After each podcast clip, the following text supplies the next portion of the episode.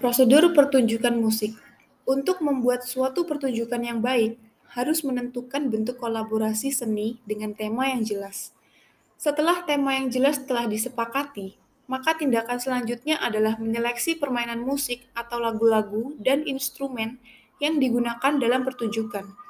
Kalau memungkinkan, guru bisa meminta pihak sekolah untuk menyediakan pelatih, baik untuk pemain musik, penari, maupun pemeran lakon. Tahap selanjutnya adalah membuat jadwal latihan.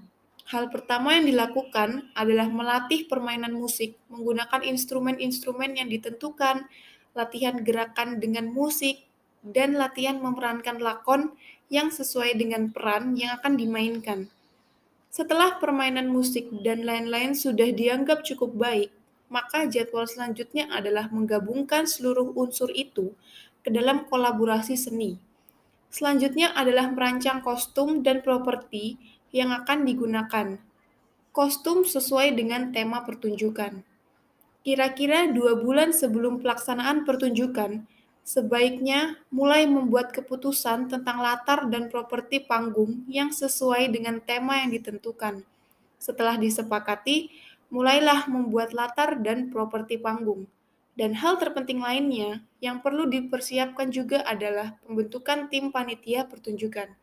Untuk memperlancar proses pertunjukan, juga perlu mempertimbangkan tersedianya ruang untuk para pemain yang melakukan pemanasan atau berkumpul dan ruang untuk mengganti kostum. Prosedur terakhir yang dilakukan adalah memeriksa seluruh peralatan yang digunakan, seperti sound system, properti, tirai panggung, dan memeriksa keamanan lantai panggung. Selain itu, menjelang dimulainya pertunjukan musik, harus melakukan sedikit pemanasan agar tubuh lebih rileks, baik dalam permainan musik maupun menari. Sekian dari saya, terima kasih.